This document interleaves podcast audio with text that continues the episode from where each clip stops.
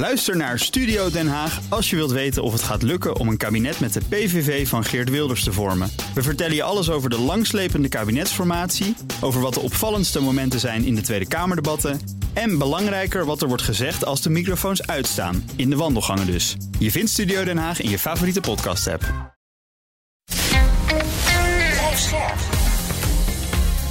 BNR Nieuwsradio. De nieuwe wereld. Annette van Soest.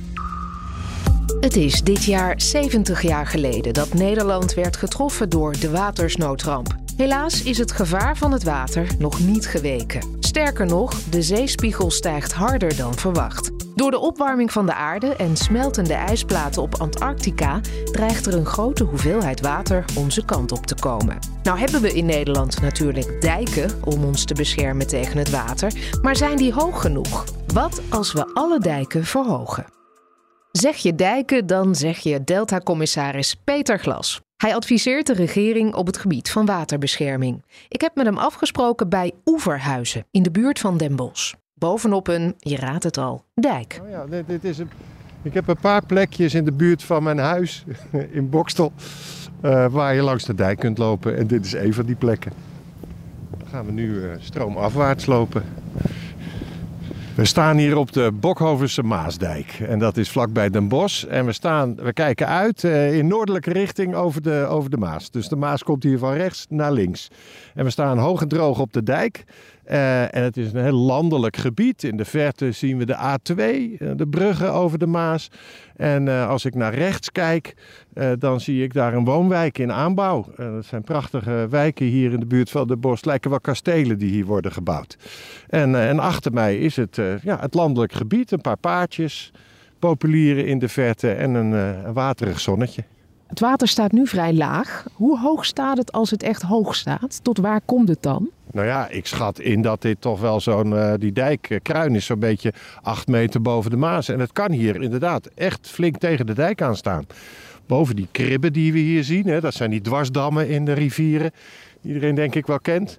Um, nou, en um, in 2021 met het hoogwater op de Maas vanwege de watersnood ook in het zuiden van Limburg en in Duitsland en België.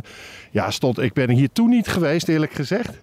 Maar toen moet het hier echt uh, een paar meter onder de kruin van de dijk hebben gestaan. Ja, dus toen stonden die bomen, die stonden wel een groot deel onder water. Ja, hier langs uh, aan de voet van de dijk uh, zie je kribben. En daar staan ook bomen op. Soms uh, zijn dat ook echt merkbomen. Ook voor de scheepvaart van ouds is dat. Die staan dan op de punt van zo'n krib. Merkbomen? Ja, en die staan dan echt met hun voet in het water. Daar kunnen ze ook tegen. Dat is cultuurhistorie bijna. Dat soort bomen die ook de weg wijzen voor de scheepvaart. Hoeveel dijken hebben we eigenlijk in Nederland? We hebben in Nederland uh, wat wij noemen, wij van het water, uh, primaire waterkeringen 3500 kilometer, heel precies, 3500 kilometer. En dan hebben we ook nog polderdijkjes en andere kleinere dijken, en dat is zo'n 14.000 kilometer. Dus alles met elkaar opgeteld, meer dan 17.000 kilometer dijken. En die primaire keringen, dat zijn de, de grote rivierdijken, duinen en waterkeringen. Hè? Ja, ik zeg altijd duinen, dijk en deltawerken en pompen en gemalen. Want die zijn ook nodig om onze voeten droog te houden.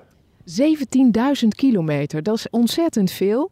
We staan nu bij de Maasdijk bij Bokhoven. Waarom deze plek? Wat wordt hier gedaan aan de dijk of wat gaat hier gebeuren? Op dit moment uh, is alles rustig. Uh, en uh, ik heb me nog eventjes laten inlichten bij het waterschap Aamaas hier. En voor 2030 zal, zullen delen van deze dijk, ik weet niet precies welke, maar die zullen worden aangepakt, zeggen we dan. dus versterkt worden, dat kan betekenen verhoogd of verbreed. Maar het kan ook betekenen, als er bijvoorbeeld bebouwing in de buurt is, dat er damwanden in worden geslagen. En er is zelfs de mogelijkheid, en dat hebben we ook uh, sinds de jaren 90 gedaan, om ruimte voor de rivier te creëren. Dan kan de dijk zelfs verplaatst worden. Hoe het hier exact gaat uitzien, dat weet ik nog niet.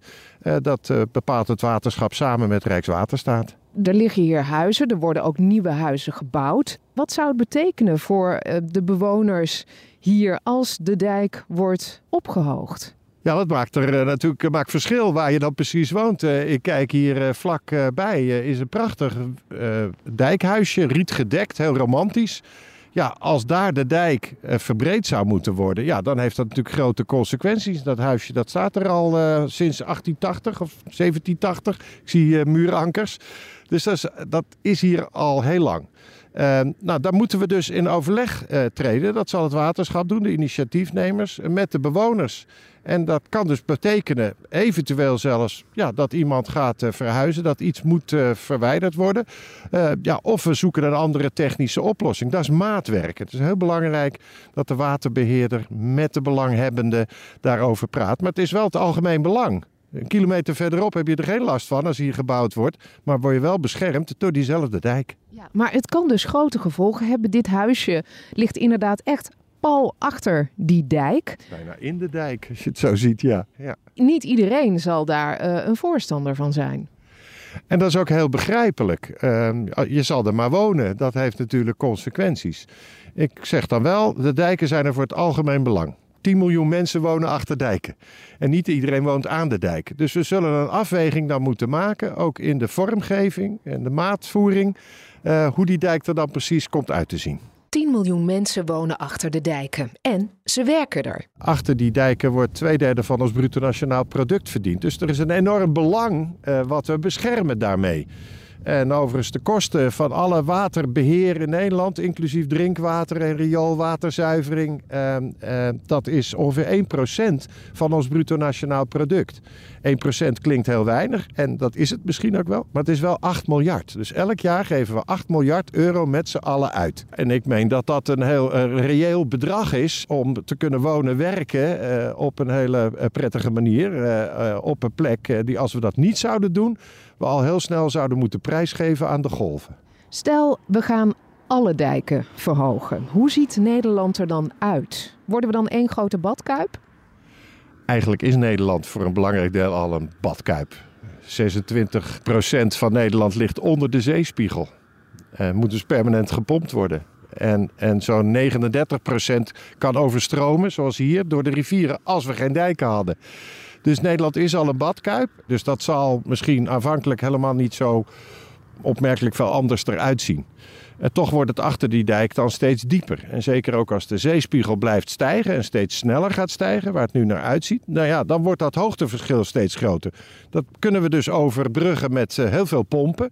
Uh, maar de vraag is, ja, hoe lang hou je dat vol? Uh, houden we dat nog 300 jaar vol? Of komt het al eerder dichterbij dat we wellicht andere keuzes moeten maken? Voor, voorlopig kunnen we dat met de techniek die we hebben, met ons investeringsvermogen, heel goed tackelen die badkuip wordt dus steeds dieper. Is dat ook uh, gevaarlijker in het geval van overstromingen? Als de dijk zou doorbreken, het is daar steeds dieper daarachter, ja, dan komt dat met steeds meer uh, geweld uh, naar binnen in die polder. Dus daar houden we in die zin rekening mee dat de normen van de dijken, dat staat in de wet, dat is uniek ook internationaal, die zijn heel hoog, extreem hoog. Geen delta met veiliger dijken uh, dan de Nederlandse. Um, maar het klopt wat je zegt. Dus daar moeten we gewoon ook zorgen dat achter de dijk. Hoe we bouwen, nou er wordt hier gebouwd, dat dat rekening houdt met de mogelijkheid dat er toch ooit een overstroming kan zijn. Het zij vanuit de rivier of de zee, of door gewoon enorme plensbuien, zoals we ook steeds vaker meemaken. Dijken verhogen, ja, het klinkt eenvoudig. Het zijn maar twee woordjes. Um, maar wat zou het nou inhouden? Het is meer dan alleen ophogen. Dat kan een, uh, een, een, aanpak zijn. Het kan ook verbreden en versterken zijn. Met technische, met damwanden, technische maatregelen. Maar onze instrumentenkoffer is echt veel groter. Uh, ook sinds de jaren negentig. We hebben toen uh, ruimte voor de rivier gecreëerd. Op 30 punten langs de, of 30 trajecten langs de, langs de Rijntakken hebben we de rivier weer meer ruimte gegeven. En dat is ook voor het landschap natuurlijk heel, heel bevorderlijk. En... Zodat er weer makkelijker regen en smeltwater uit die rivier kan worden afgevoerd. Ja, de pieken van de rivier, de hoge pieken, die worden hoger. En af en toe met droogte wordt het ook steeds dieper. En daar moeten we ook rekening mee houden. Dus op een integrale manier naar die rivier kijken, dat is van belang. Um, en dan ben ik de vraag kwijt. Nou, als we dus wel gaan verhogen of versterken of verbreden, hoe dan ook, als we die dijken aanpakken en we hebben 17.000 kilometer. Ik probeer me voor te stellen wat dat betekent. Uh, vergelijk het dus met de deltawerken, die 40 jaar hebben gekost. Wat, ja, hoe lang zouden we hiermee bezig zijn? We hebben in 2017 nieuwe veiligheidsnormen voor de 3500 kilometer primaire keringen afgesproken. En die worden dus aangepakt, uh, kilometer voor kilometer. Gemiddeld een kilometer per week de komende 30 jaar.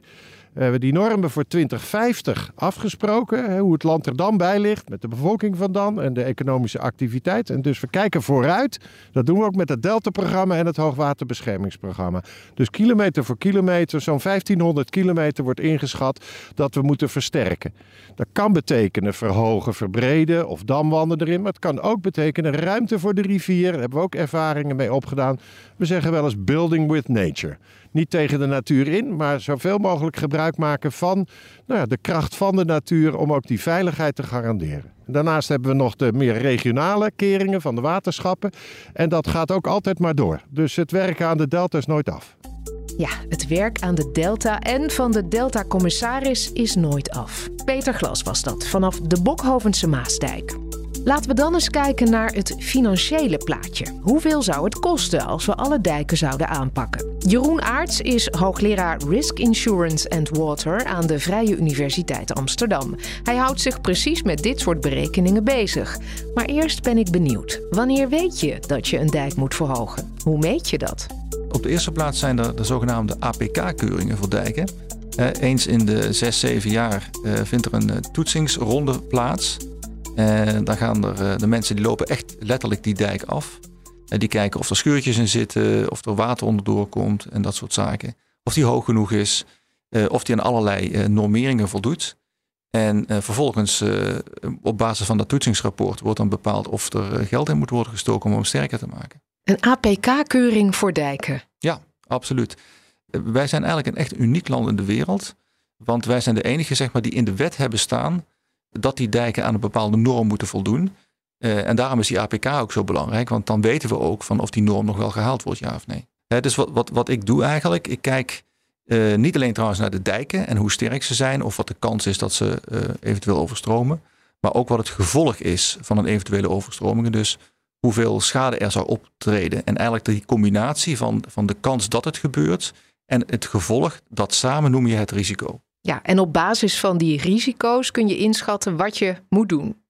Ja, dat klopt. Kijk, ehm, eh, zo'n risicoanalyse die geeft inschatting van eh, waar de prioriteiten moeten liggen om te investeren eh, in dijken of, of andere watermaatregelen. Ehm, voor de overheid met name. Maar voor een verzekeraar is het ook heel interessant om te weten waar de risico's hoog zijn of laag zijn. Want op grond daarvan kunnen zij vaststellen hoe hoog een premie moet zijn. Ja, werk jij voor de overheid of voor verzekeraars? Of voor allebei? Nou, ik, uh, ik geef ook advies aan verzekeraars. Dat ligt er een klein beetje aan. Um, uh, dat doen we met, uh, met onderzoekers bij de, bij de VU, hè, promotieonderzoek met name.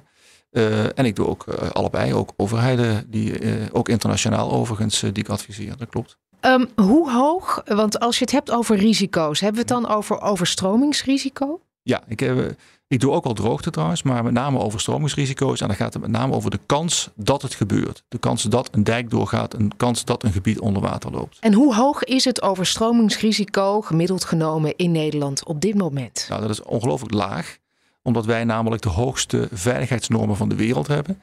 Um, we hebben overigens nu nieuwe normen, daar zal ik even nu niet op ingaan.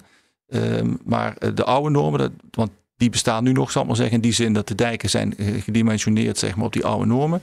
Maar aan de kust is dat 1, 1 op 10.000 jaar. Dus dat betekent dat die dijken zo hoog zijn dat ze een storm kunnen weerstaan die eens in de 10.000 jaar voorkomt. Uh, en dat is echt een van de hoogste normen van de wereld. Want als je naar andere landen kijkt, Engeland, Japan, dan is het eens op de duizend jaar. En dan heb je het zelfs ook in Japan bijvoorbeeld over een tyfoon die voorbij kan komen. Dus onze normen zijn echt heel erg hoog. Als je kijkt naar de kaart van Nederland, eh, welke gebieden hebben nu dan de hoogste prioriteit om beschermd te worden met hogere of uh, verstevigde dijken? Nou, wat ze gedaan hebben een aantal jaar geleden, dat is nu ook al afgerond. Ze hebben eerst naar de zwakke schakels gekeken. Dus echt al, eigenlijk wat je al heel snel kan zien van dat is een smal stuk of uh, daar wonen heel veel mensen achter. Daar zijn ze mee begonnen, dat is afgerond. En nu die nieuwe normering is gekomen, uh, die nieuwe normering is niet meer gebaseerd op hoe groot de kans is dat het overstroomt. Maar die nieuwe normering gaat ervan uit dat iemand die achter die dijk woont, dat hij een hele kleine kans mag hebben dat hij overlijdt. En op grond daarvan uh, zijn ze nu weer al die dijkvakken aan het nalopen um, welke zwak zijn. Ik vind het een beetje moeilijk om aan te geven van waar dat nou precies is, want we hebben nogal wat kilometers aan dijken.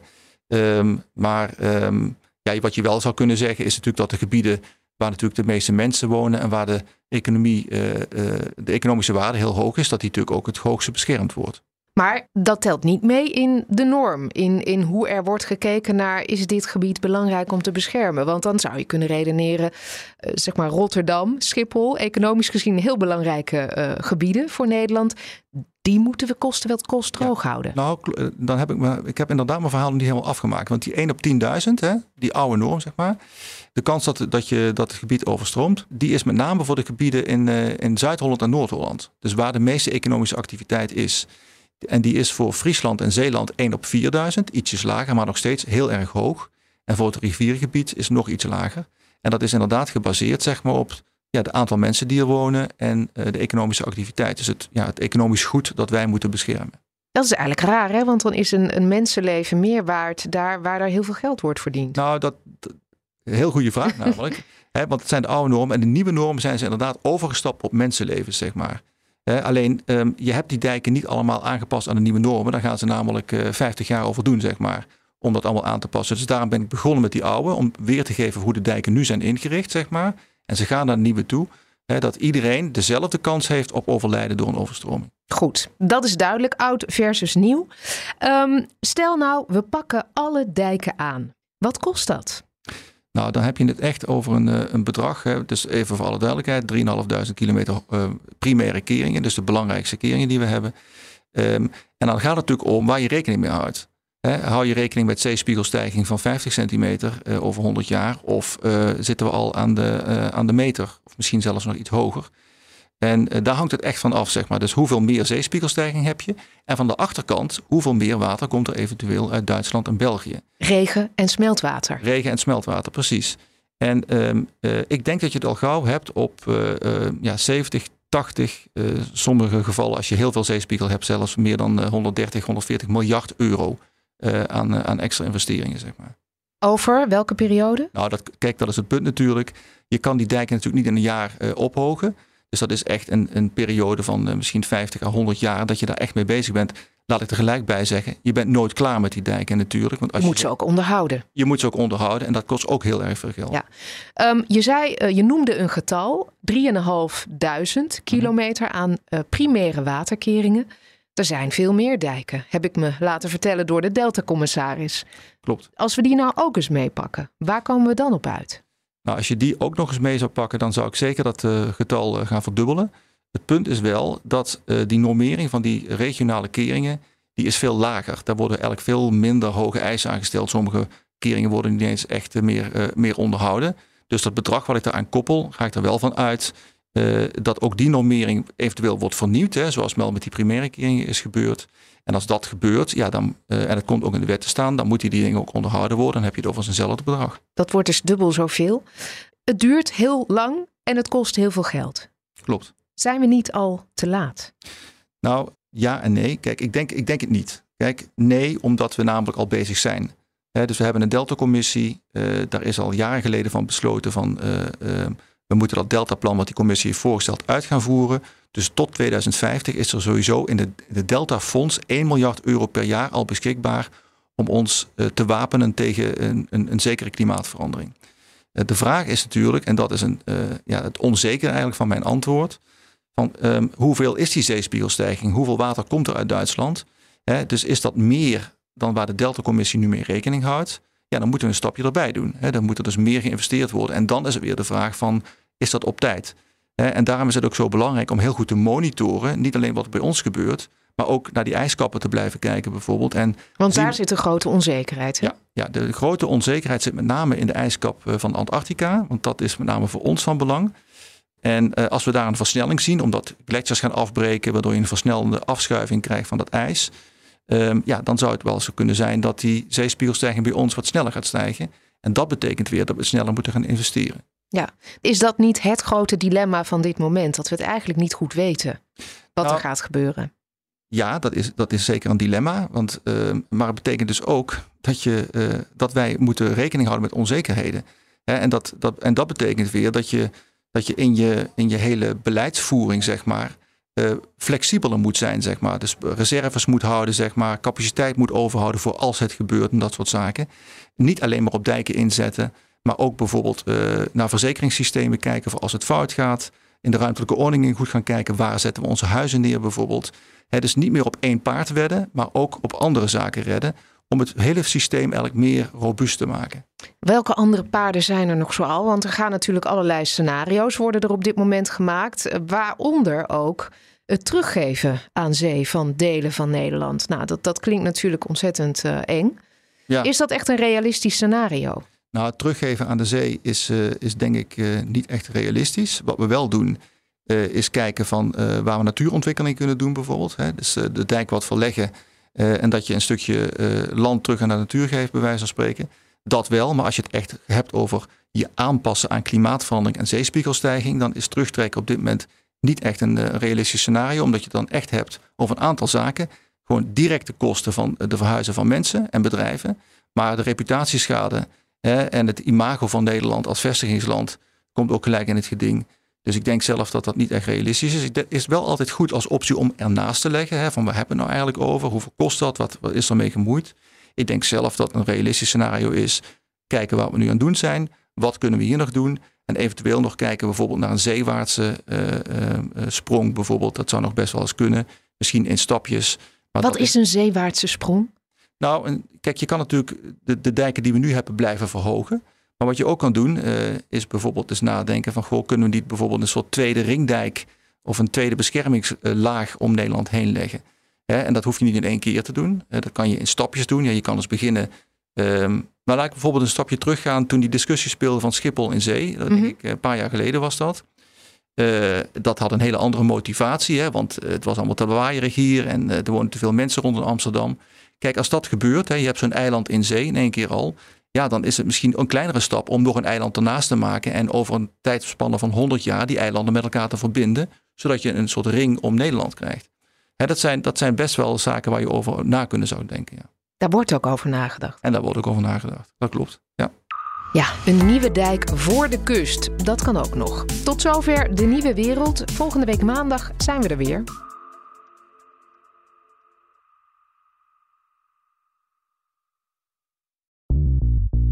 BNR ben je altijd als eerste op de hoogte van het laatste nieuws. Luister dagelijks live via internet. Bas van Werven. En heel langzaam komt de zon op rond dit tijdstip. Je krijgt inzicht in de dag die komt op BNR, het Binnenhof in Nederland en de rest van de wereld. De Ochtendspits. Voor de beste start van je werkdag. Blijf scherp en mis niets.